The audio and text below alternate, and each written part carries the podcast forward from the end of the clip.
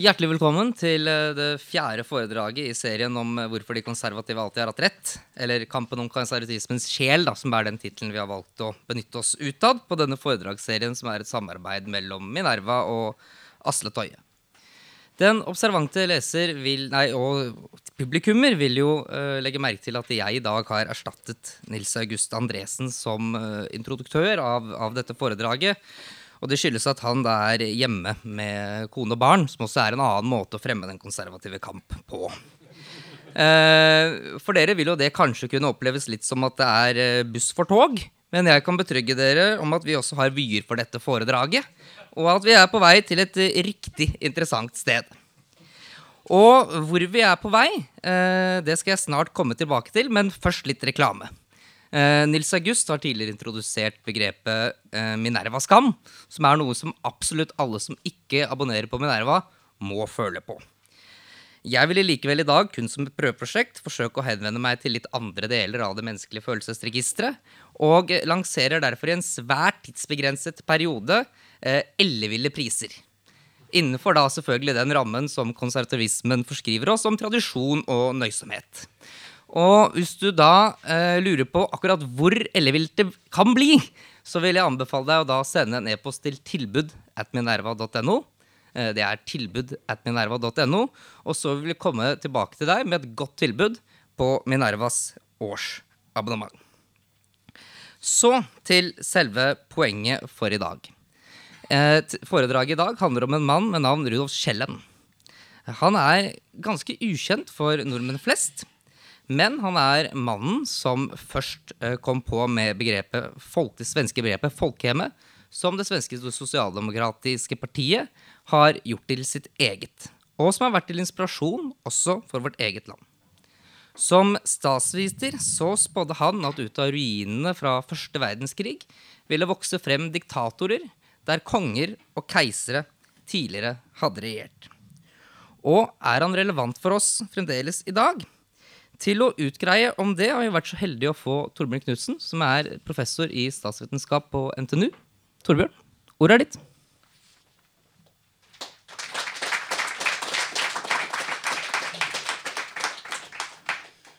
Ja, tusen takk for uh, invitasjonen til denne konservative tirsdagen.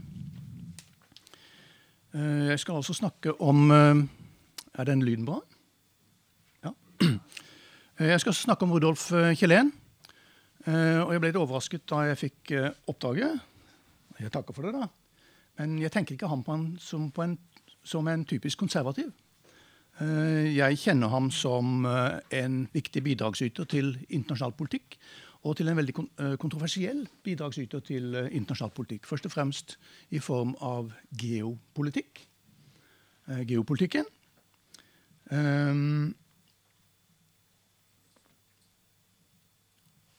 Det er han som geopolitiker som har innskrevet uh, Som kommer med denne ideen om at de nordiske landene er innskrevet i et triangel mellom de tre stormaktene Russland i øst, Storbritannia i vest og Tyskland i sør.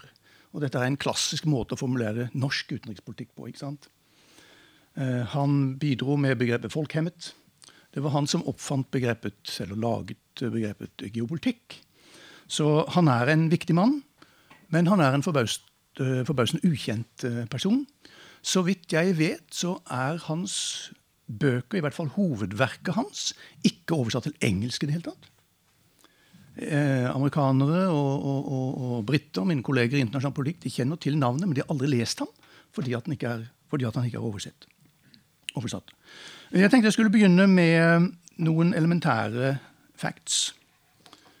Eh, han er født i 1864. Han tok eh, doktorgraden i Uppsala i 1890 med en eh, avhandling med den diffuse tittelen 'Studier rørende ministerverdigheten' i 1890. Um, året før så hadde han skrevet en liten bok om Eriksgatan. Altså. Eriksgatan er da et ritual i den svenske kongekåringen i middelalderen. Eh, eh, året etter så ble han ansett, ansatt som dosent ved Göteborg høgskole. Og i 1893 så ble han i tillegg ansatt som dosent i geografi samme sted. Så han hadde en eh, dobbel hatt på Göteborg høgskole. Et av Sveriges mest moderne universiteter på, på den tiden.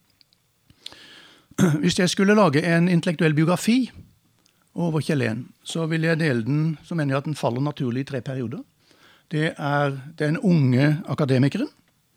Det er den praktiske politikeren. Og den tredje delen blir da den eldre akademikeren. Og Den yngre akademikeren og den eldre akademikeren er to forskjellige akademikere. Han underviste altså, Den unge akademikeren underviste altså statskunnskap og geografi ved Göteborg høgskole. I tillegg så foreleste han litt uh, her og der, bl.a. på Arbeidarinstituttet i byen. Det var en slags uh, bedriftsøkonomisk institutt, en, en, skole som la vekt på handelsfag for næringslivet. Han var en svært flittig skribent. Han skrev meningsytninger, populærvitenskapelige artikler i svenske dagsaviser, uh, artikler i, i, i tidsskrift. Um, også inkludert i faglige statsvitenskapelige tidsskrift. Og han skrev flere fagstudier gjennom 1890-tallet. La meg nevne tre-fire av dem. I 1893 en studie av den nasjonale karakteren i Sveriges grunnlagsstifting. I 1895 Riksrettsinstitusjonens utvikling i Sveriges historie. Utviklingen av Sveriges regjeringsform. Den svenske grunnlovens ånd i 1897. Jeg nevner alle disse her for å vise, for, for, uh, for å antyde hva slags statsviter han var. Altså Veldig opptatt av formelle institusjoner. Veldig juridisk uh, orientert. Uh, veldig historisk informert. Altså en typisk statsviter i tiden. Det disse titlene ikke viser, det er at han etter hvert ble svært eh, kritisk til denne måten som statsvitenskapen eh, diskuterte og arbeidet og studerte politikk på. For den kunne ikke gi noen tilstrekkelig forklaring på den grunnleggende objektet til vitenskapen, nemlig staten selv.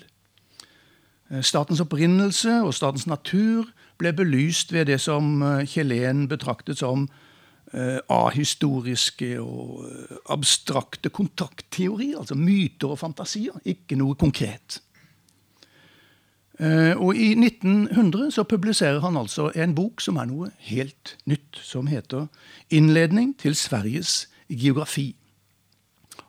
Og her drøfter Kjellén Sveriges utvikling som land og stat og nasjon. Noe helt nytt for ham.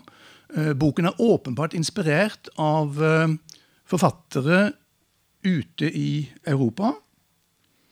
Eh, særlig av yngre geografer som kritiserte den kartografiske dominansen i geografifaget og mente at geografien måtte bli en samfunnsvitenskap og ikke bare tegne kart. I Storbritannia så var Halford J. McKinder veldig tidlig ute med denne formen for kritikk.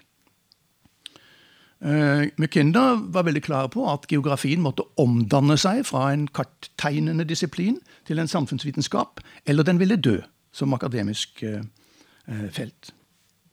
Så han foreslo da, som en hel rekke andre geografer i tiden, og nå snakker vi slutten av 1880-årene, begynnelsen av 1890-årene Geografer måtte analysere forholdet mellom, mellom terreng, geografiske betingelser på den ene siden og menneskelige samfunn på den andre.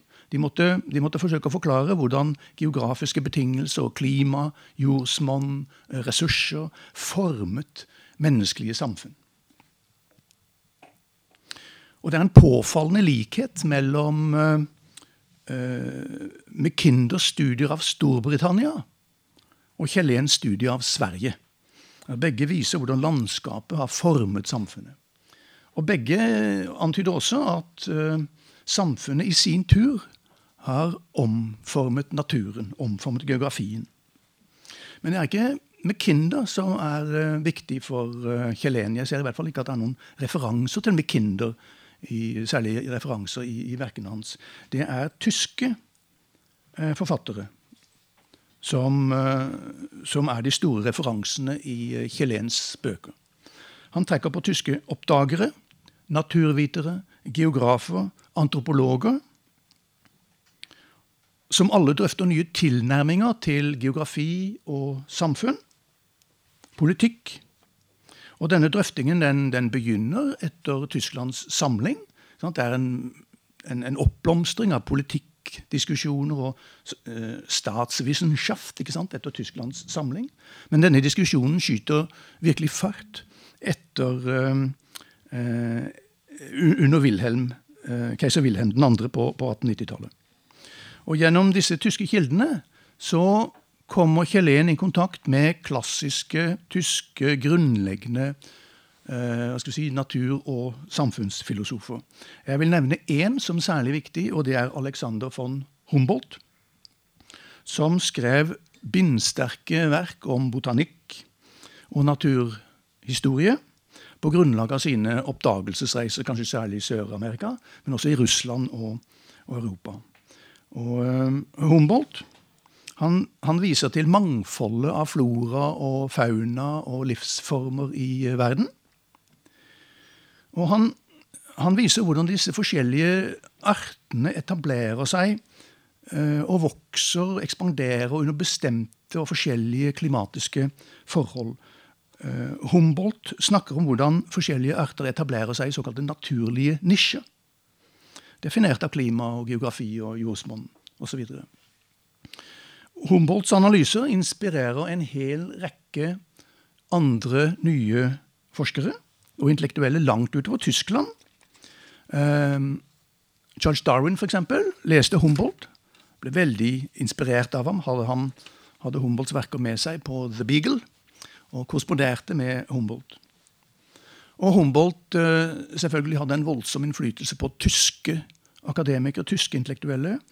Den tyske geografen Karl Ritter, som framstilte jordkloden som et stort biologisk system. Karl Ritter brukte Humboldt til å, til å se samspillet mellom jordens flora, fauna, eh, geografi i et svært komplekst samfunn. Og han sammenlignet enkelt land med individer, han sammenlignet regioner med familier. Denne Karl Ritter. Og så har vi Eh, det er ikke så langt sprang fra Ritter og Ritters forestilling om et komplisert samspill. Eh, et slags globalt eh, jordens levende samfunn. Til Ernst Heckel og hans nye begrep om økologi og økologisk system. Eller til McKinders argument om at jordkloden var et eneste stort politisk system. McKinder skriver whether we think or the physical, economic, military, or political interconnection of things on the surface of the globe, we are now for the first time presented with a closed system. Så denne systemtanken, enten den er biologisk eller politisk, kommer inn eh, på 1890-tallet og eh, ja, slutten av 1890-tallet. Og så er det ikke så langt fra Humboldt, Ritter og Mackinder til Alfred Mahan og hans studie The Influence of Sea Power Upon History, som kommer i 1890. Og Her fremholder Mahan at Storbritannia er preget av sin egen uh, unike geografi. At det er et øyrike med en beliggenhet og med ressurser som har for, formet både folk og virksomhet over århundrene, og som er nøkkelen til at Storbritannia er blitt en, um, en dominerende sjømakt på, i løpet av 1700-tallet og 1800-tallet. Mehen ble straks oversatt til tysk. Hadde en voldsom innflytelse i Tyskland.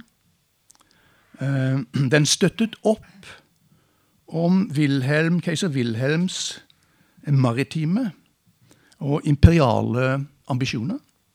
Og Keiser Wilhelm skal ha sørget for at et kopi av Mahans bok lå i styrhuset til hvert eneste skip i den tyske marine. Med minst ett eksemplar. Så antropologer og geografen uh, Friedrich uh, Ratzel han ble inspirert av Mahan til å gå dette sjømaktsargumentet etter i sømmene. Og han ga ut i 1900 en bok som grunnlag som argumenterte at sjømakt er grunnlaget for stormaktsstatus. Das Meer als Quelle der Völkergroße. Eh, og Ratzel gjorde etter dette seg selv til talsmann for en ekspansjon av den tyske eh, marine, tyske sjøforsvaret. Så poenget med alle disse referansene da, det er for det første å vise at 1890-tallet da vokste det fram et internasjonalt miljø som drøftet natur, politikk, geografi, samfunn på et, på et helt ny måte. Eh, en systemisk måte og en organisk måte. Altså, det, er et, det, er et, brudd her på mange måter med, med tidligere tiders mekaniske verdenssyn til et mer organisk, nesten biologisk betont uh, verdenssyn, i hvert fall i, i, Tyskland. Så medlemmene av dette nye miljøet de tilhørte mange forskjellige fag. Uh, men de var alle inspirert av Humboldt og Darwin. Og, og i Tyskland har selvfølgelig uh, de tyske oversettelsen og den tyske tolkningen av Darwin og deres organiske eh, tilnærming. Så de leste hverandre, og de korresponderte med hverandre. Og her kommer det andre poenget. At Kjelen var del av dette miljøet. Dette var den konteksten eh, som Kjelen eh, hadde, og som jeg tror forklarer denne akademiske vendingen som vi ser i 1900 hos eh, Kjelen når han skriver innledningen til Sveriges geografi. Da trekker han på alle disse forfatterne, og først og fremst på disse tyske, uh, tyske forfatterne. Ernst Heckel, Humboldt, men da særlig uh, Ratzel. Kjellén var en veldig flittig uh, forfatter. Han skrev kommentarer, og essays og innlegg i tidsskrift og, og dagspresse. Og særlig i den konservative avisen Göteborgs Aftonblad var veldig opptatt av konflikten mellom eh, Norge og Sverige og mente at det ville være en ulykke for begge land om den svensk-norske unionen ble oppløst. I 1901 eh, så ble eh, Kjellén professor i statskunnskap og statistikk ved Høgskolen i Gøteborg. Og Samme år så publiserer Ratzel en veldig viktig artikkel, et viktig essay, som forsøker å overføre Humboldts biogeografiske resonnement om artenes naturlige nisje til menneskelige samfunn. Og det er essayet med tittelen 'Lebensraum'. Og I 1905 så kommer Kjelléns eh, kanskje, kanskje, noen sier viktigste verk, i hvert fall et stort, ambisiøst, stort anlagt verk, 'Stormaktene'. Konturer kring samtidens storpolitikk. Og her er det ingenting igjen av den gamle, uh, den unge akademikeren og hans juridiske, uh, institusjonsfokuserte tilnærming. Her er det en helt, en helt annen tilnærming i innledningen, og den, er åpenbart uh, influert av disse, disse, tyskerne, og først og fremst uh, Ratzel. I innledningen definerer Kjellén stormakt som en ekspanderende stat. Om denne staten eh, skal finne sin naturlige nisje, er uutsagt, men, men han definerer stormakt som en ekspanderende stat. Og det er en stat som har vilje til ekspansjon, men også har evne til ekspansjon. Så vi ser denne tyske tanken om makt, altså vilje pluss, pluss ressurs, vilje pluss evne, som svever over vannene i, i, eh, i Kjelléns første kapittel her. Videre drøfter Kjellén flere typer stormakter de som ekspanderer militært, i, i kraft av uh, militærstyrke og hærens og, og, flåtens styrke. Men så er det de stormaktene som ekspanderer økonomisk, Storbritannia f.eks., i kraft av, uh, av handel. Um, han deler mellom uh, kontinentale stormakter og maritime stormakter. Så han, han, drøfter, altså Han snur og vender på dette stormaktsbegrepet og, og lager kategorier. Og så, i kapitlene som følger, så drøfter han den ene europeiske stormakten etter den andre. Han gjør rede for Storbritannia, Frankrike, Italia, Tyskland, Østerrike-Ungarn, Russland og Japan. Og til slutt USA. Og han diskuterer dem alle i, løp, i, i, i, i lys av et begrepsapparat som han nå har utviklet. I, lys av det vi vil kalle fire variabler, eller fire, fire elementer. Han diskuterer alle disse stormaktene i lys av geografi, etnisitet, samfunn og styresett. Fire, så Hvert eneste, eneste av disse stormaktene ble vurdert ut ifra eh, scorer på geografi, etnisitet, samfunn og styresett. Disse elementene, sier eh, eh, kan være mer eller mindre i harmoni. Og hvis de er i harmoni, da er det en bestandig og sterk stormakt. Men hvis de er i konflikt, da har stormakten et problem. Så han, han mener at eh, Japan og Frankrike det er sterke stormakter, for de er harmoniske i disse fire elementene. Eh, Østerrike har et problem, for det er et multietnisk samfunn. De er etnisk mangfoldig og er sårbart for konflikt. Og så kommer 1905, og med ett så skriver Kjelen mindre. Ikke, fordi, ikke pga. unionsoppløsningen, men fordi Halford McKinder, uh, unnskyld, uh, Kjelen, liksom Halford McKinder, går inn i politikken. Kjellén blir valgt inn i den svenske riksdagen i, juni 1905. Samme måned som Norge erklærte unionen med Sverige for oppløst. Kjellén blir valgt inn som representant for det konservative partiet, for Høyrepartiet. Og han markerte seg veldig raskt som en tydelig stemme i Riksdagen. En representant for, en reformist, for et reformistisk høyreparti. Unghøgern. Uh, og dette er en underlig uh, Jeg har slitt litt med dette her. Dette er en underlig uh, organisasjon. Dette er en underlig tilnærming eller ideologi til politikken, synes jeg. Den virker på meg selvmotsigende. Fordi at på den ene siden så er den reformvennlig. På den andre siden så er den motstander av en progressiv agenda. Hvordan får vi dette til å gå i hop? Det er mulig at det er en slags tysk dialektikk som er ute og går her. Men i, i noen av essayene så skriver Kjellén om hvordan politikken utspiller seg i et felt som er strukket mellom reform på den ene siden og konsolidering på den andre. Så begge disse prinsippene er nødvendige, mener Kjelen. Begge disse På den ene siden så har, så, så, så har vi moderne og produktive samfunn. Hvis de skal fortsette å være sterke og moderne og produktive samfunn, så må de endre seg. Så må de gjennomgå perioder med reform. Perioder med utvikling og modernisering. Eh, sosial endring, hvor det gamle byttes ut med det nye, og hvor landet tilpasser seg tiden. Og dette er alltid opprivende. Dette er alltid eh, Endring innebærer alltid uro, eh, gnisninger, konflikter. Slik at etter denne, denne, disse reformene må ikke gå for langt, eh, tror jeg Kjelen mener. At etter en periode med reform så må det komme, så er det nødvendig å bremse opp, og så er det nødvendig å konsolidere de gevinstene som reformene har gitt. Og her, her må landets ledere da mane til felles anstrengelser. Eh, statslederne, eh, politikerne må mane til samling, enhet, konsolidering. Så, og nå kan det selvfølgelig da sies at hvis det er slik det er, eh, så er, så er ideologisk ståsted eller politisk ståsted en refleks av historisk analyse. Ikke sant? Hvis vi gjennomgår en voldsom en periode med rask reform og utvikling, da er det på tide å bli konservativ. Og hvis det er slik at uh, staten uh, hviler i seg selv og begynner å harke og ikke er så konkurransedyktig på, i verden som andre, så må man reformere.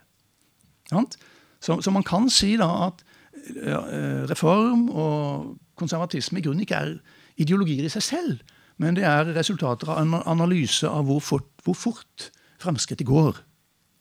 Hvis framskrittet går for fort, da er det på tide å bli konservativ. Men jeg tror ikke det er en tilstrekkelig øh, forklaring. For det at når jeg leser eh, Kjelen, så ser jeg en del øh, konservative trekk. Og det er ikke nykonservative trekk, eh, konservative, men tradisjonelle, klassiske konservative trekk av en slags burkiansk øh, tradisjon. Eh, han betoner tradisjonelle verdier. Han betoner tradisjonell autoritet, eh, setter pris på orden. Og han, er, han betoner fellesskap. Han betoner voldsomt fellesskap.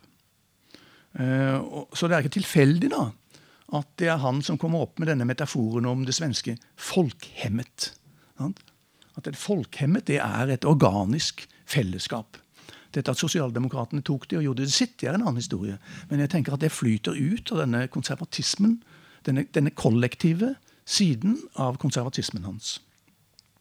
Og det er åpenbart, um, det skal jeg snakke om et lite øyeblikk, at han, han liker ikke disse liberale den liberale betoningen av det rasjonelle individ. Han har ikke noe tro på det rasjonelle individet. Liten tro på det rasjonelle individ. Så Det passer også for så vidt med en slags, slags um, pessimistisk antropologi, da, som, som, jeg mener er en del av den klassiske konservatismen. Idepolitisk så betegnet han seg selv som nasjonaldemokratisk. Og dette, det, det nasjonale det er ganske lett å forstå. Altså, dette med folkhemmet og det kollektive og det svenske som hadde vokst fram av historien. Det er ikke noe problem å forstå. Det demokratiske det er mer problematisk å forstå. For jeg tror ikke at han var noen spesielt demokrat. Han, var, eh, han likte ikke utvidelser av stemmeretten. Han mente at kvinner hadde ingen sted å gjøre i politikken. Han sto altså på de gale sidene hele tiden systematisk i disse progressive sakene. Men han kalte seg da altså en nasjonaldemokrat. Han kalte seg også en nasjonalsosialist. Og det var selvfølgelig før sosialismen eh, ble revolusjonær med Lenin. Men han, han, han må ha følt seg komfortabel med det kollektive i, i, i, i sosialdemokratiet. Um, som politiker så fokuserer han på politikken innad i en stat. Og her har han etter min mening en konservativ profil, en tradisjonell konservativ profil. Som teoretiker så er han mye mer komplisert. Eh, for her i teoriene hans så, betoner han ikke det interne i en stat, men han betoner det geopolitiske. Han betoner eh, landenes eller statenes samrøre. Han snakker også om hvordan statene er bygget opp internt, men det er forholdet mellom disse statene som står i fokus i det meste av det han kommer til å, å, å publisere mot uh, slutten av sitt liv. Og så kan man spørre, da Er det sånn at, at Kjellén i sin politiske gjerning som uh, representant i Riksdagen, var han informert av sine egne teorier? Var han Brukte han sine egne analyser og, og teorier å som et kompass i, i, den politiske hverdagen i Riksdagen? Og det er et veldig vanskelig spørsmål å besvare. Jeg er veldig eh, usikker på hva jeg skal eh, si. Men jeg tror det er hevet over enhver tvil at det omvendte er tilfellet. Altså dette at hans erfaring i Riksdagen bruker han siden for å videreutvikle sine politiske teorier. Det tror jeg er hevet over enhver eh, tvil. Jeg skal gi et lite, et lite eksempel. Og det eh, I 1916 så slutter han som riksdagsrepresentant. Da får han eh, et tilbud fra sitt gamle universitet i Uppsala, som han ikke kan si nei til. Han blir tilbudt denne berømte lærestolen i svensk statsvitenskap, som har det flotte navnet Den, Det skytianske professorat i statskunnskap og veltalenhet. Altså, politikk, politikk, og retorikk er uh, smeltet sammen. Skytianske professorat i statskunnskap og veltalenhet. Og som nyansatt professor så utgir han da en liten bok under 200 sider som heter 'Staten som livsform'. Og jeg tror i grunnen at, uh, selv om dette er en av hans tynne bøker, at han ser på dette som sitt store verk, sitt, sitt, på mange måter sitt, livs, sitt livsverk. For det summerer opp så mye av det han har tenkt på mens han var i Riksdagen, tror jeg. Her summerer han opp sine, um, sitt argument, som han utviklet i lys av de tyske um, teoretikerne før han ble politiker, og så legger han til erfaringer fra sin politiske virksomhet, uh, tenker jeg. En ganske tynn bok, som sagt. Men den gjør én ting, og jeg tror det er dette som gjør at Kjellén ser på dette som et livsverk. Han gjør det som han har kritisert statsvitenskapen for, nemlig at de har ikke noe godt begrep om staten. Så i denne staten som livsform så gir altså Kjellén en definisjon av staten og en teori om statens utvikling. Altså Han forklarer hva staten er, hva statsvitenskapens objekt egentlig er. Um, og dette gjør han i, i, lys av disse fire elementene som han skrev om uh, ti år tidligere, altså i, uh, i uh, 1905. Det gjør han i lys av geografi, etnisitet, samfunn og styresett. Men så legger han til et femte element. Og jeg vil tro at dette er en frukt av hans erfaring i praktisk riksdagspolitikk, hvor politikk ofte er en, en strid om uh, fordeling av ressurser. Det er budsjettkrangel. Han legger til økonomi. Men han ønsker, tror jeg, ikke å bli forvekslet med liberale økonomer. så Han kaller det ikke økonomi. Han kaller det husholdning. Han kaller det statens husholdning. Og det tror jeg er et lite nikk til Aristoteles og den klassiske definisjonen av, av hva økonomi oikos, ikke sant? Eh, hva økonomi er. Så statens livsform det er ifølge Kjelen et produkt av politikkens to grunnleggende elementer. Land og folk. Så statens livsform det er et produkt av geografien og av et sammensveiset folk som bor på et, dette begrensede territoriet, som er geografisk funnet. Det er statens livsform. Eh, og hva med disse tre andre elementene, hva med samfunn, husholdning og styresett? Ja, det, De utgjør til sammen statens eh, kulturform. Og Jeg tenker ofte, at, uh, jeg tenker ofte sånn litt marxistisk da, at, uh, at, statens livsform det er basis, land og folk. Mens det andre det er overbygning. Det kommer siden. Men, men land og folk det er konkret og helt, helt grunnleggende og avgjørende. Og disse to formene sammen Ehm, statens livsform og statens kulturform, det er det som er geopolitikk. Det er det som er, selve, det er, det som er elementene i en ny akademisk disiplin, geopolitikken. Så staten som livsform blir da oversatt til tysk. Veldig, eh, eh, veldig hurtig. Hadde en voldsom innflytelse. Annet på Ratzel og kretsen rundt eh, Friedrich Ratzel, som, som straks begynte å bruke betegnelsen geopolitikk på det de drev på med. Og nå begynner for så vidt det er, med, det er med bøker som det er med, med tenåringer. Eh, man sender dem ut i verden, og da har man ikke lenger noe kontroll på dem. Eh, så Ratzels argumenter begynner nå å leve sitt eget liv i Tyskland. Eh, jeg er veldig usikker på hvordan, Ratzel, hvordan Kjelen selv reagerte på dette. her. Jeg tror ikke at han hadde så, så mye imot det. Jeg tror at han solte seg i denne suksessen.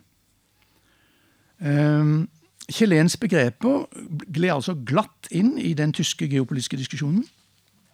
Og Kjelens begrep ble brukt i, i Tyskland fra nå av.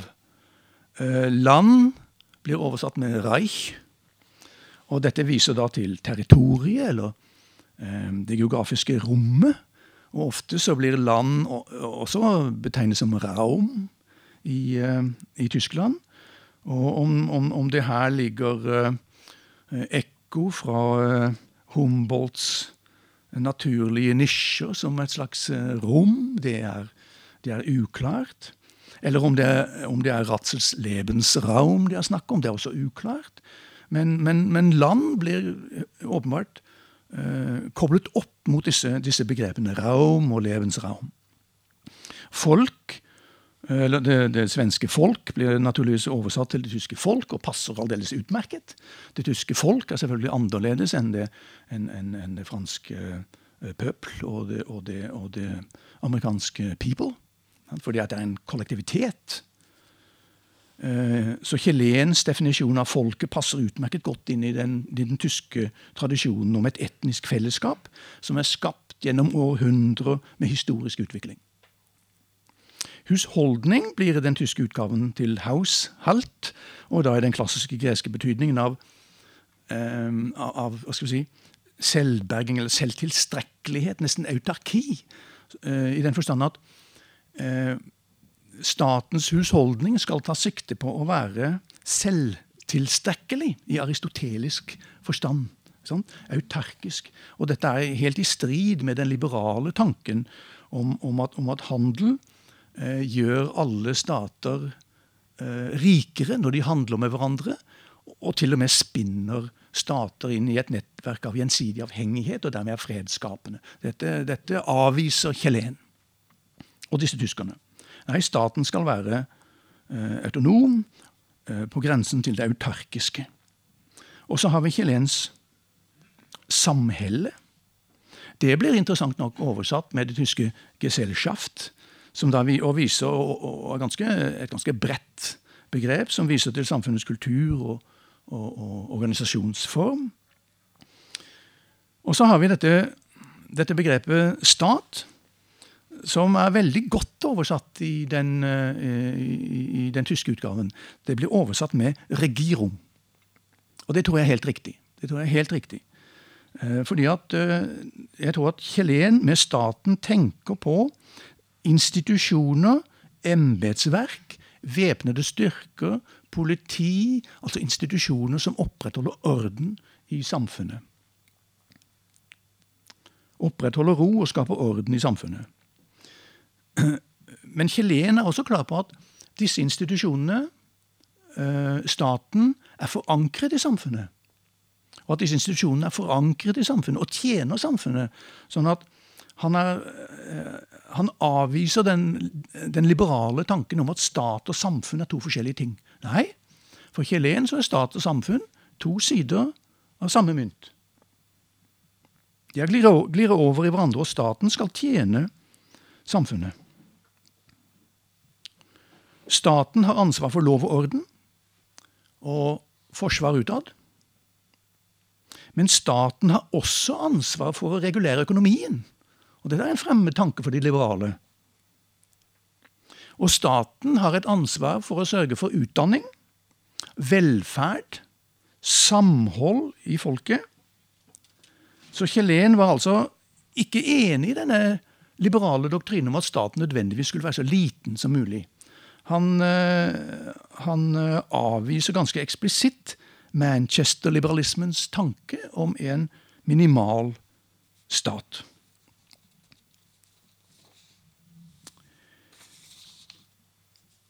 Eh, og nå er snart min tid ute.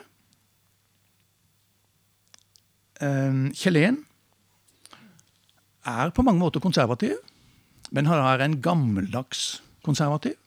En tradisjonell konservativ. Hva, konser hva konservatismen kan trekke ut av ham i dag, hvor konservatismen er eh, hvor høyrepartiene er, er, eh, påvirket av en markedsliberal tanke, eh, står for meg som en liten gåte. Det er også en veldig farlig omfavnelse, fordi at Kjelen ble tatt opp av tyske nasjonalister, tyske nasjonalsosialister, som f.eks.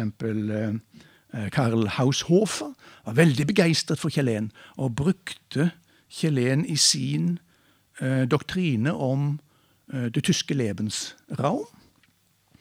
Eh, og gjennom Haushofer og andre så, så, så kom geopolitikken og, og, og Kjelens begreper inn i den tyske eh, nasjonalsosialismen. Og jeg tror det er grunnen til at han er ukjent i dag. Det er klart det er veldig mange interessante og gode, eh, fruktbare ting med hans begrepsapparat. Men dette at han ble trukket inn og brunsvidd av denne nasjonalsosialistiske eh, ideologien som så feiet over Europa på 1940-tallet, og forsøkte å legitimere eh, dette med Kjelen-lignende begrep, har gjort at han har blitt feid bort, tror jeg, fra de eh, internasjonale politiske klassikerne. Og det tror jeg også er hovedgrunnen til at mine amerikanske og britiske kolleger de kjenner navnet, men de har aldri lest den ham, fordi at han ikke ble oversatt til engelsk.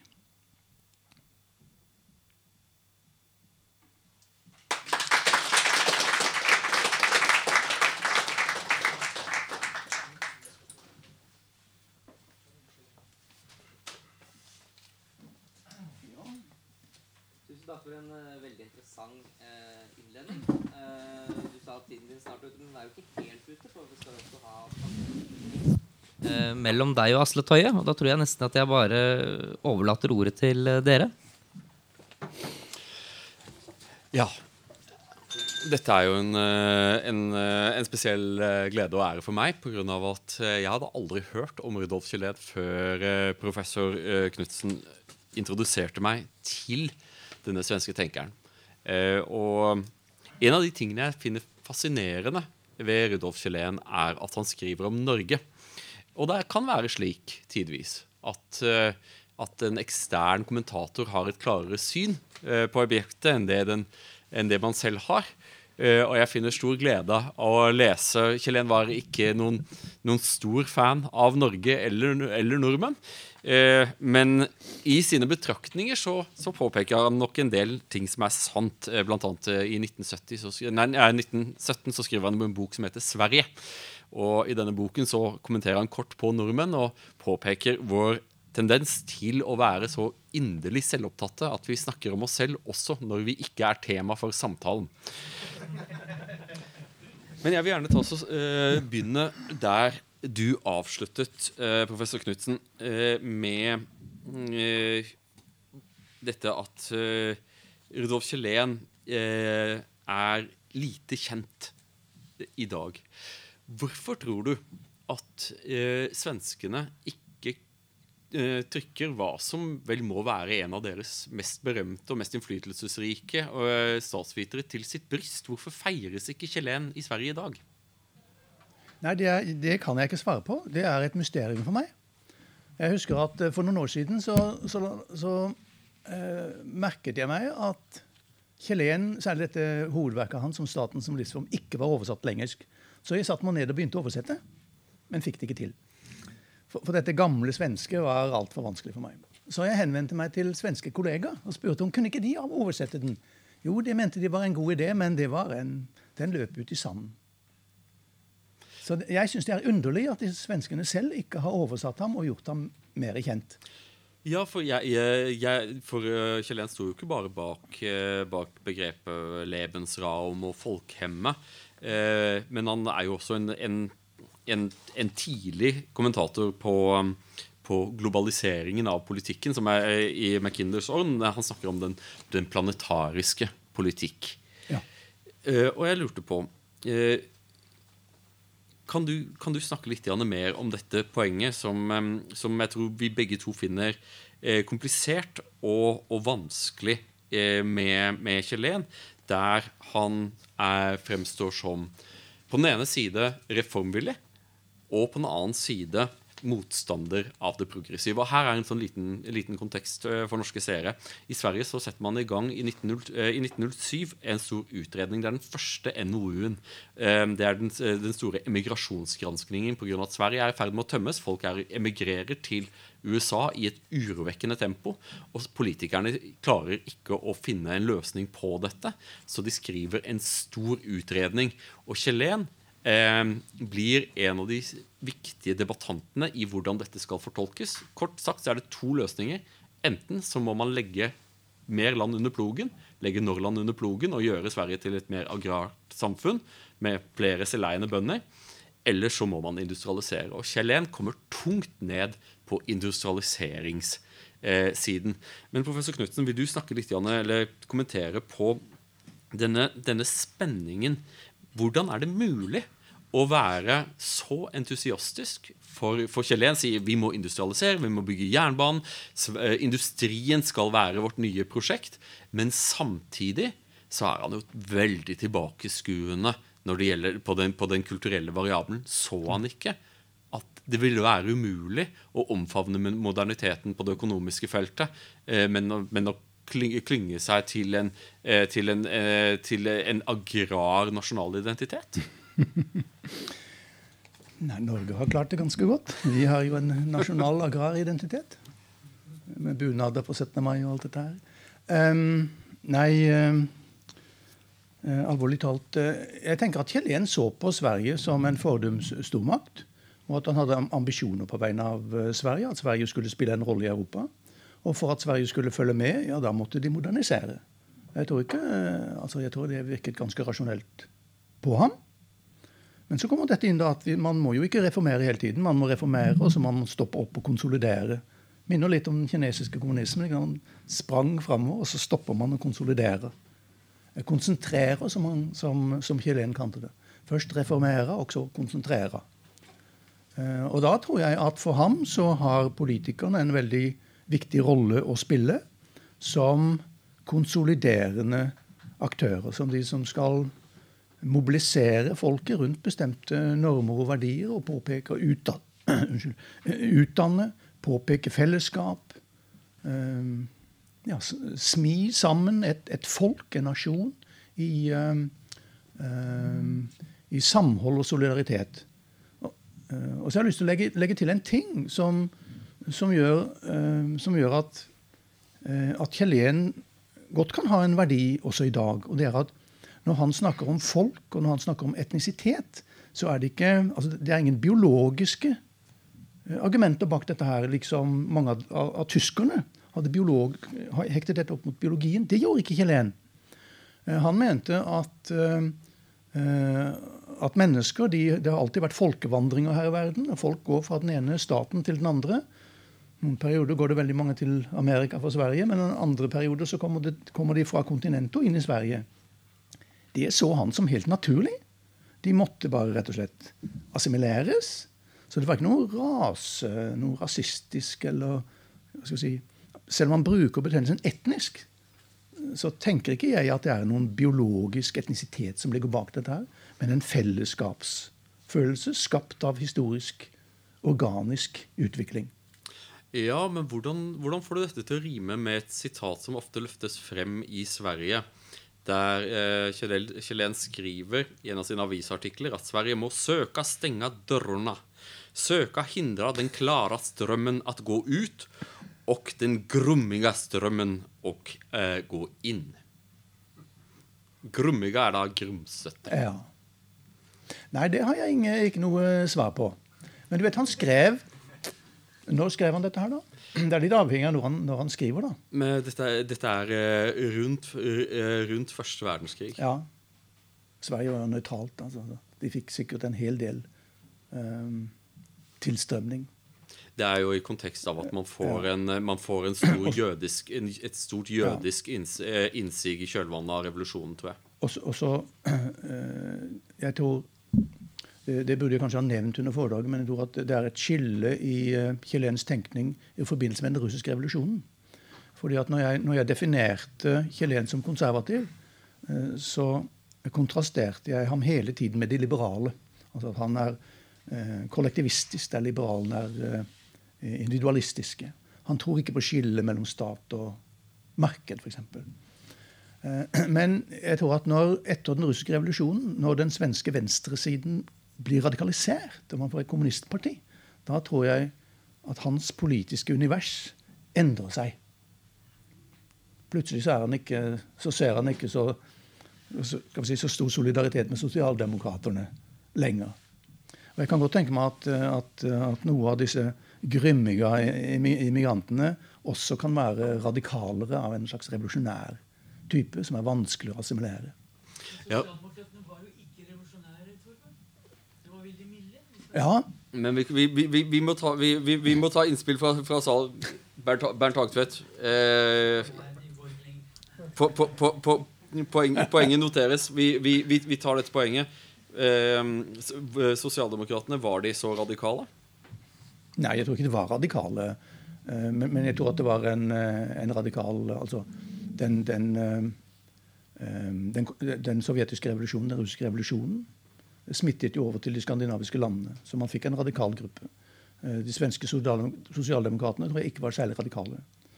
Og jeg tror faktisk at hele det svenske politiske spekteret var ganske konservativt eller ganske reaksjonært. De det, norske, det, norske, politiske miljøet var langt mer progressivt enn det svenske, tror jeg.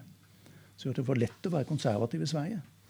Absolutt, og det er En av de tingene som slår meg, er jo på den ene side så er jo Chilen et produkt av et Sverige som har vært et multietnisk imperium helt fram til 1905. Og plutselig så har man blitt en nasjonalstat. Uh, og en av de mest interessante aspektene ved stormakterne synes jeg er et tema som nesten ingen statsvitere har skrevet om siden, hva Kjelen kaller avdankede stormakter. Og i denne kategorien så plasserer han sitt eget Sverige. En Ja. fordoms stormakt. Han gjør det veldig klart. Sverige kan aldri igjen ikke ha, håpe å gjøre kraft i kraft av sin militærmakt og bli en stormakt igjen. Og, men her er det et moment som jeg syns eh, ofte glemmes med Kjelen, og det er jo at han sier men, men stormaktsimpulsen forsvinner aldri. Så, denne, så Sveriges stormaktsimpuls må være som en industriell stormakt, som en, en ideenes stormakt. Og dette plukkes jo senere opp igjen av Olof Palme når han da kommer opp med tanken om den humanitære stormakt, eh, som jo noe fornuftsstridig blir tatt opp i Norge også. Men dette er jo et fartøy for de svenske stormaktsimpulsene. det fantomkløen i et eh, amputert lem. Ja, eh, for Kjellén stormakter kommer og går gjennom historien. Um, det var en periode jeg tror at i rundt 1908-1909 så ble han veldig interessert i Asia. Og han så på Japan som en kommende stormakt. Og han var veldig interessert i Kina. Det, Eh, mens eh, Kjelen eh, er jo en tenker som inngår i en tysk tradisjon, Ja. eh, som er veldig fokusert på kultur. Eh, og som på mange måter står i en kontrast til den franske sivilisasjonstanken. Og denne, den tanken, denne tanken om folket vil jeg ta så presse deg litt mer på. På grunn av at han fremhever jo nettopp i, eh, i, eh, i stormaktene og i, Sverige, i denne boken Sverige at en av Sveriges fortrinn er at Sverige er etnisk homogent. Nå endelig er, nå, som de har blitt kvitt, kvitt disse, disse nordmennene, så er det en silver lining, eh, for å si det på nynorsk. I alle fall så er vi nå da ganske homogene. Dette er vår styrke. Hvordan, hvordan kan han eh, være Kan du se hvordan dette, led, hvordan dette så lett misbrukes av Haushofer og andre senere i dette perverterte nazistiske, ras, eh, rasistiske tankegodset som får sitt utløp i nazismen?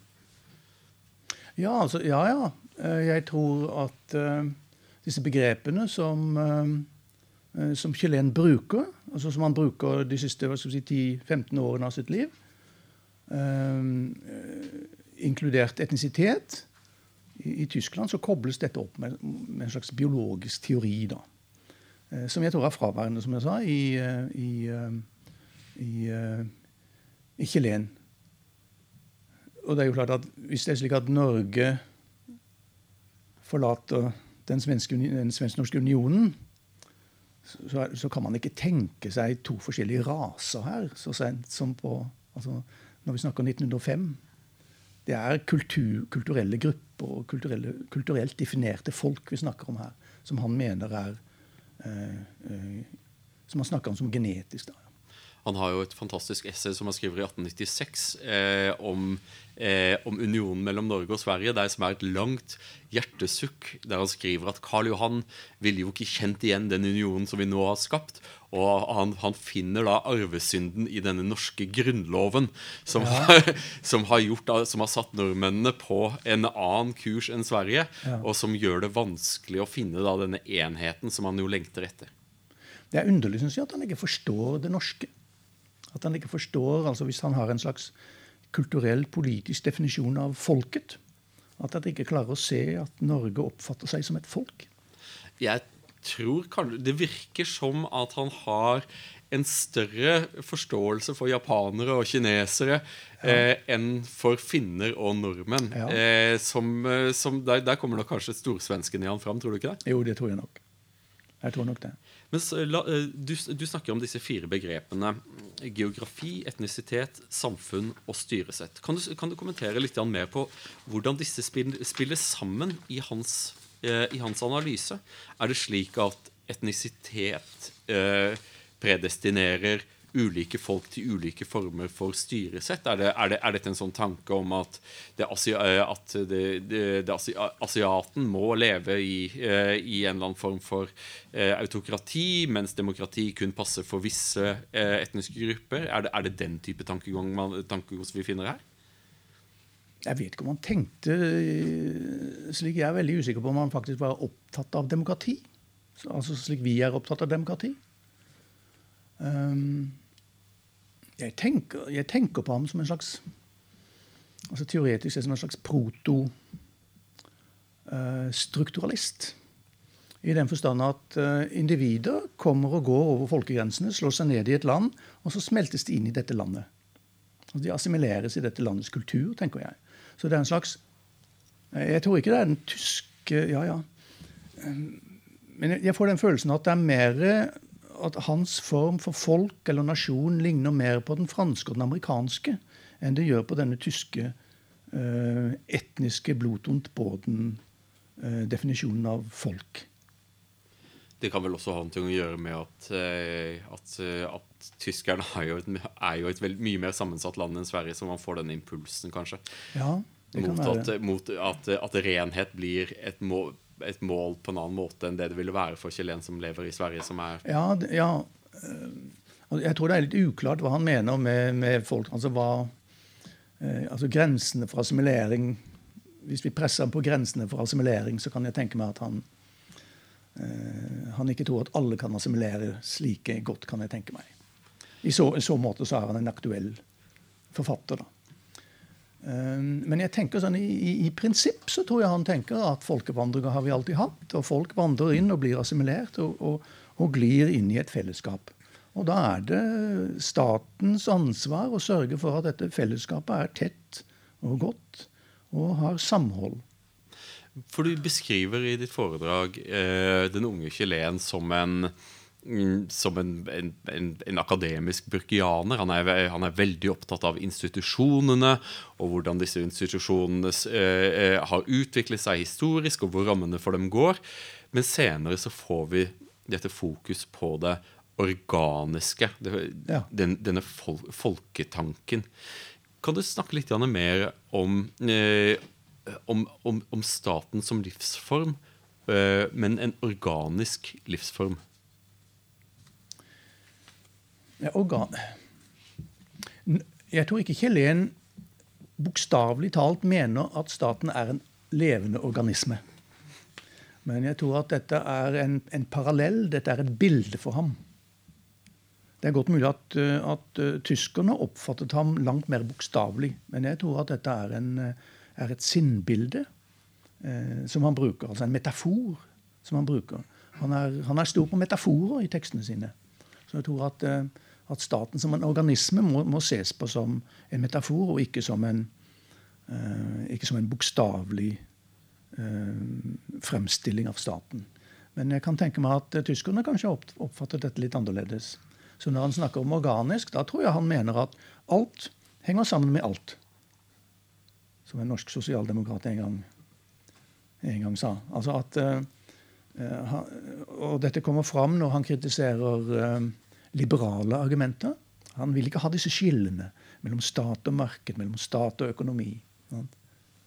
Alt henger sammen med alt for ham. Og jeg tror på mange måter han er en system Han er en protosystemteoretiker, en protostrukturalist. Kan du kommentere litt på Kjellens eh, innvirkning i sin samtid som akademiker og som politiker? Var han en Du sa at han var en, en veldig talefør og skrive, eh, skrivevillig eh, Ja, politiker. Ja, voldsom produksjon. Eh, mens påvirket han den svenske statens eh, politikk på noen som helst måte? Du, det vet jeg ærlig talt ikke. Jeg, jeg kjenner ham, som jeg sa i utgangspunktet, som en, som en akademiker, en forfatter og, og en geopolitiker. Og en, si, en forløper til realismen som kommer etterpå. Så hvordan han oppførte seg som riksdagsrepresentant, og hvilke komiteer han satt inn, eh, og hva han gjorde, det, det vet jeg ikke. Eh, eh, han satt i forsvarskomiteen, tror jeg. Han, men jeg tror at han i ordskiftet så hadde han uh, innflytelse. Altså i det han skrev i, i aviser og slikt, så hadde han, eh, hadde han innflytelse. Ikke minst pga. disse eh, skal vi si, Flere av disse begrepene som han brukte, ikke sant, som vi fremdeles bruker i dag. Folkehemmet.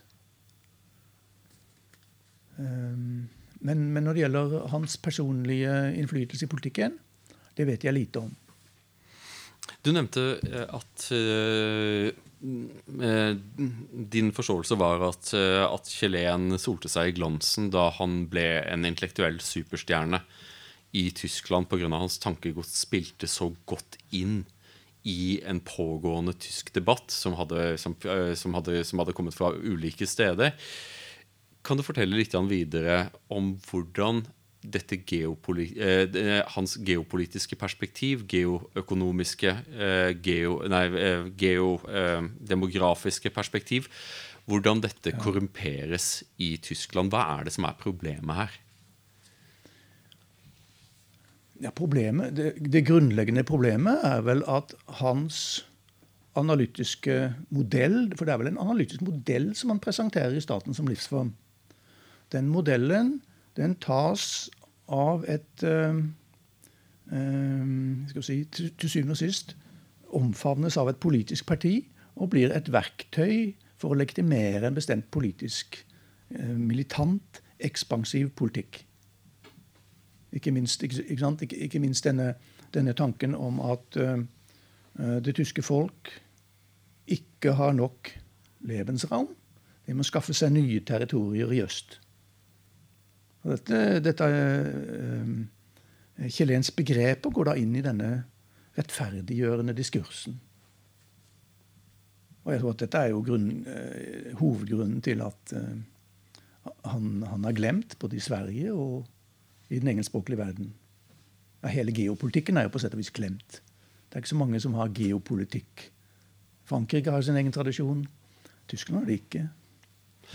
Ikke nå, i alle fall. Eh, mens du, du, du, sier at eh, John C. Chilen for å være en av stamfedrene til den realistiske tradisjonen. Og, ja. eh, og realismen er jo konservatismens egen utenrikspolitiske eh, både doktrine og teori. Eh, ja.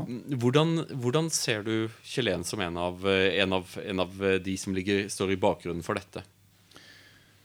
Chilen definerte jo staten som den grunnleggende aktøren i verdenspolitikken. Han innså klinkende klart at stater er ikke like, men at det er enkelte stater som er viktigere enn andre. Og at det er disse statene man må definere. Det er disse statene man må studere, for det er de som bestemmer altså kjørereglene i internasjonal politikk. Og dermed fokus på stormaktene. Ikke sant? Eh, så man bør ikke studere alle statene. Det holder at man studerer stormaktene. Og det tror jeg er en realistisk tanke. altså denne, denne tanken om at eh, internasjonale, den internasjonale scene det er et makthierarki. Store, mellomstore og mindre stater. Og de store statene bestemmer. For min egen del vil jeg si at det er En av de tingene som er mest fascinerende med, med Chilen i dette, er jo at mens dagens realister stor, i stor grad kommer fra USA, er ekstremt opptatt av oppadstigende stormakter, så er jo Kjellén eh, Han har jo brukt mye tid til tidligere avdankede stormakter. Og mens, mens, amerikanere alltid vil se på den oppadstigende stormakten som kilden til ustabilitet, så, så påpeker Chilen at det er ofte avdankede stormakter som skaper de største vanskene pga. denne stormaktsimpulsen som ikke forsvinner, og at de har tendens til å skrive sjekker som de ikke klarer å ikke har dekning for, ikke geopolitisk dekning for.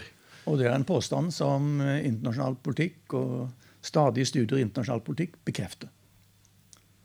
Altså, jeg er helt enig. altså det ja. At det er uh, stormakter som blir utfordret, som man skal uh, ha øye på. Hvordan så han uh, på, på, Sveriges fremtid sitt, e, innenfor sitt eget analytiske rammeverk? Det vet jeg ærlig talt ikke. han innså, at, særlig etter 1905, at Sverige ikke kunne være en stormakt. Men Sverige burde jo gjøre så godt, uh, så godt det kunne. Men nei, jeg, jeg tror ikke at, uh, at, han så på Sverige som noen, uh, noen stormakt. En, en, aktør, kanskje. En betydelig aktør i Europa, men ikke, ikke, noen, ikke, noen, stormakt.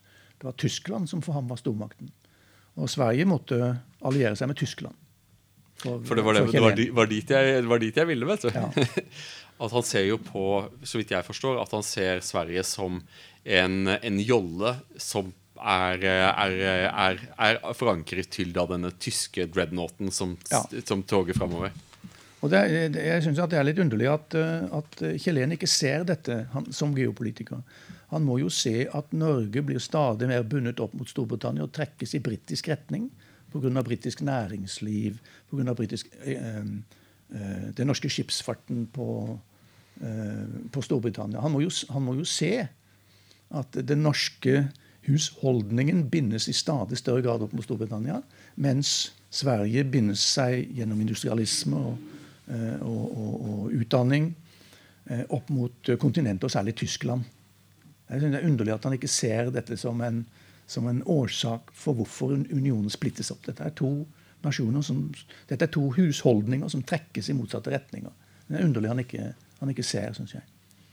Uh, men han ser jo på Storbritannia og han ser på, som liberalt. Han ser på Frankrike som reformistisk. Og jeg tror han ser på Tyskland som det landet som kan stabilisere Europa. Så der kommer denne også, i, også når han drøfter første verdenskrig, så har jeg et inntrykk av at han ser på eh, verdenskrigen, altså eh, Trippelalliansen og Trippelentanten, som på den ene siden altfor reformistiske stormakter i vest som, må, som har gått altfor langt i sin reform. Så, så, Sverige må binde seg opp mot den stabiliserende makten på kontinentet, nemlig Tyskland. Den konsoliderende makten på kontinentet. Når vi ser på, eh, på den senere chilens eh, analytiske rammeverk, hvor vi da har etnisitet, samfunn, styresett, geografi, men også da økonomi eller husholdning. Hvordan, eh, hvordan ville du fortolke moderne eh, skandinavisk og eh, da svensk, eller også norsk, utvikling etter, eh, i det nye årtusen? etter disse variablene? Ville, hvor, hvor, fører Chilens analytiske rammeverk oss hen? Har vi, eh, har vi vært kloke i, eh, i, hvordan vi har, har skjøttet oss, eller er det noen problemer som har oppstått etter, etter et chilensk analytisk rammeverk? Hmm.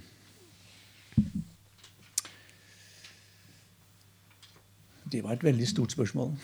Um, hvis vi ser på resultatet, så har det jo gått rimelig bra. Du spurte tidligere om var ikke Kjellén litt optimistisk når han tenkte at Sverige kunne industrialisere og reformere seg? Det gikk jo bra. De fikk det til. Og Det er også underlig hvordan, hvordan Sverige gikk fra å være forholdsvis konservativt i, i, sin grunnleggende politikk til å bli et voldsomt radikalt reformerende land eh, etter andre verdenskrig.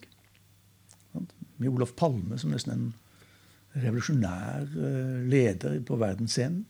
Ja, for jeg mener jo at Det er jo noe av det mest interessante med Kjell. Han ser jo at denne impulsen til å dominere, den forsvinner ikke, men det må Nei, finne et nytt utløp. Ja. Og at, eh, at, Sverige har denne enorme behovet for å være verdensledende. Se på meg. Ja. Om, Sverige, om, om det er en ambisjon eh, for å være verdensledende, eller om det er en et ideologisk forsøk på å stagge USA. Eh, kan man kanskje spørre om. Stagge USA? Hvordan da? Stagge USA. Altså USA var jo eh, på, eh, altså på 1960-tallet så skjer det jo en dramatisk endring. Jeg tenker nå på Palme og sosialdemokratene som han ledet. Palme fikk utdannelse i USA, var begeistret for USA. Og så skjer denne endringen i amerikansk politikk fra 1950 1961. Da, da, USA konkurrerer med Sovjetunionen under den kalde krigen om innflytelse i den tredje verden. Hvor det ene landet etter det andre blir avkolonisert, og så blir det ikke demokratisk. Og så faller det inn under sosialistisk eller kanskje til og med kommunistisk innflytelse. Ja. Og da endrer USA sin politikk. USA har jo alltid vært antikolonial. Og plutselig så stiller USA seg på samme side som kolonimakten i Europa. Mot disse progressive bevegelsene. Og jeg lurer på om Palme reagerte ekstremt mot dette. Og dette er Sinnbildet på dette er jo Vietnamkrigen. ikke sant? En helt unødig eh, En underlig invasjon. Så det er ikke sikkert at det er stormakts hva skal jeg si, en slags stormaktsekko som gjør at Palme og Sverige oppfører seg på den måten. Det kan altså være en slags voldsom skuffelse over, eh, Vestens ledende makt, USA. Ja, eh, men så er det jo også slik som, eh, som en, en annen svensk historiker har påpekt, at svenske politikere, uavhengig av politisk avskygning, har jo hentet, dratt til Amerika og hentet fremtiden. Ja. Så, så Sverige er jo på, på samme på, Det er jo en, det er en veldig schizofren ja. Eh, som vi også finner i Norge. Vi finner også i Norge. Gjennom, gjennom å være på den, ene, på den, ene, side veldig inspirert av amerikanerne, ja. samtidig som litt, nesten litt teatralsk motstander av ja. amerikansk politikk. Vi glemmer at Martin Tranmæl var i Amerika og, og lærte organisasjon. Men eh, sånn helt avslutningsvis så er vi jo så heldige nå at eh, Nasjonalbiblioteket har jo eh, gjort tilgjengelig eh, skrifter. Det er jo bare til å, til å, til å gå inn på internett og søke. Og så kan man lese eh, hans, hans, store produksjon. Eh, for noen som er interessert i å, å, gjøre seg familiær med denne store skandinaviske statsviteren, hvilken, hvilket enkeltverk ville du anbefale at man starter med? Ja, Staten som livsform er veldig tung. Den er, den er tynn, 180 sider, tror jeg, men den er veldig tung. Jeg er helt enig. Um, verket om stormakten er veldig tykt. Fire bind. Og eh, det er utdatert. Stormakten er ikke som han beskrev det. Eh, han, han hadde Jeg lurer på om jeg vil anbefale essaysamlingene. For, for, flere av de viktigste artiklene og også de si, kronikkene i dagspressen er blitt samlet i jeg tror, tre bind. Jeg tror at det kan være en, eh, Og det er ganske korte, korte ting, og det er skrevet eh, populært og lett tilgjengelig. Så jeg, jeg, vil foreslå at man begynner der. Der får man også uh, Kjelen over et langt tidsrom. Jeg er helt enig. Og, og Kjelen, når han skriver for avisene, så skriver han jo forbilledlig klart og lett å lese også for nordmenn. Det, det er når han skal være teoretiker at, man, at, at, at vi nordmenn, eller iallfall jeg, støter hodet opp imot arkaisk terminologi og et søken etter en presisjon som man ikke helt forstår hvor presisjonen ligger, men det kan være også en intellektuell tilkortkommenhet på, min, på, på, min, på mine vegne. Eh, Torbjørn Knutsen, tusen takk for at du har kommet hit og holdt dette foredraget om Rudolf Kjellén. En stor runde med applaus. Det var en glede.